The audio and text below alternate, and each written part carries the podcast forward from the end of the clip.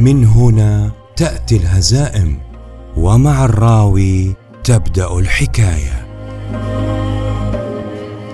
كان لسقراط جار طبيب استنكر على الملك تسمية سقراط بالطبيب الأول. فسأله الملك عن طريقة يثبت فيها أنه أكفى من سقراط حتى يقوم بنقل اللقب إليه. فقال الطبيب سأسقيه السم ويسقيني ومن يعالج نفسه يكون هو صاحب اللقب. وافق سقراط. وحدد الملك موعدا للنزال بعد أربعين يوما. أحضر سقراط ثلاثة من الرجال الأشداء وأمرهم بسكب الماء في أوعية وثقة وكل يوم على مسمع الطبيب صوت سكب الماء. ويوم الواقعة شرب سقراط سم جاره الطبيب فأصفر لونه وأصابته الحمى ولكنه عالج نفسه بعد ساعة. ثم ناول سقراط خصمه قارورة السم التي بقي الرجال يعدونها أربعين يوما على مسامعه فلما شرب تلك القارورة سقط ميتا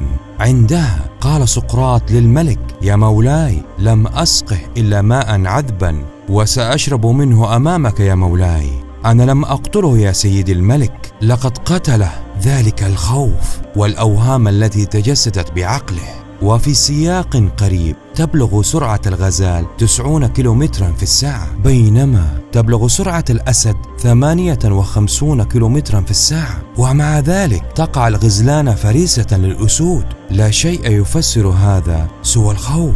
الأسود لا تفترس إلا الغزلان الذي تمكن منها الخوف.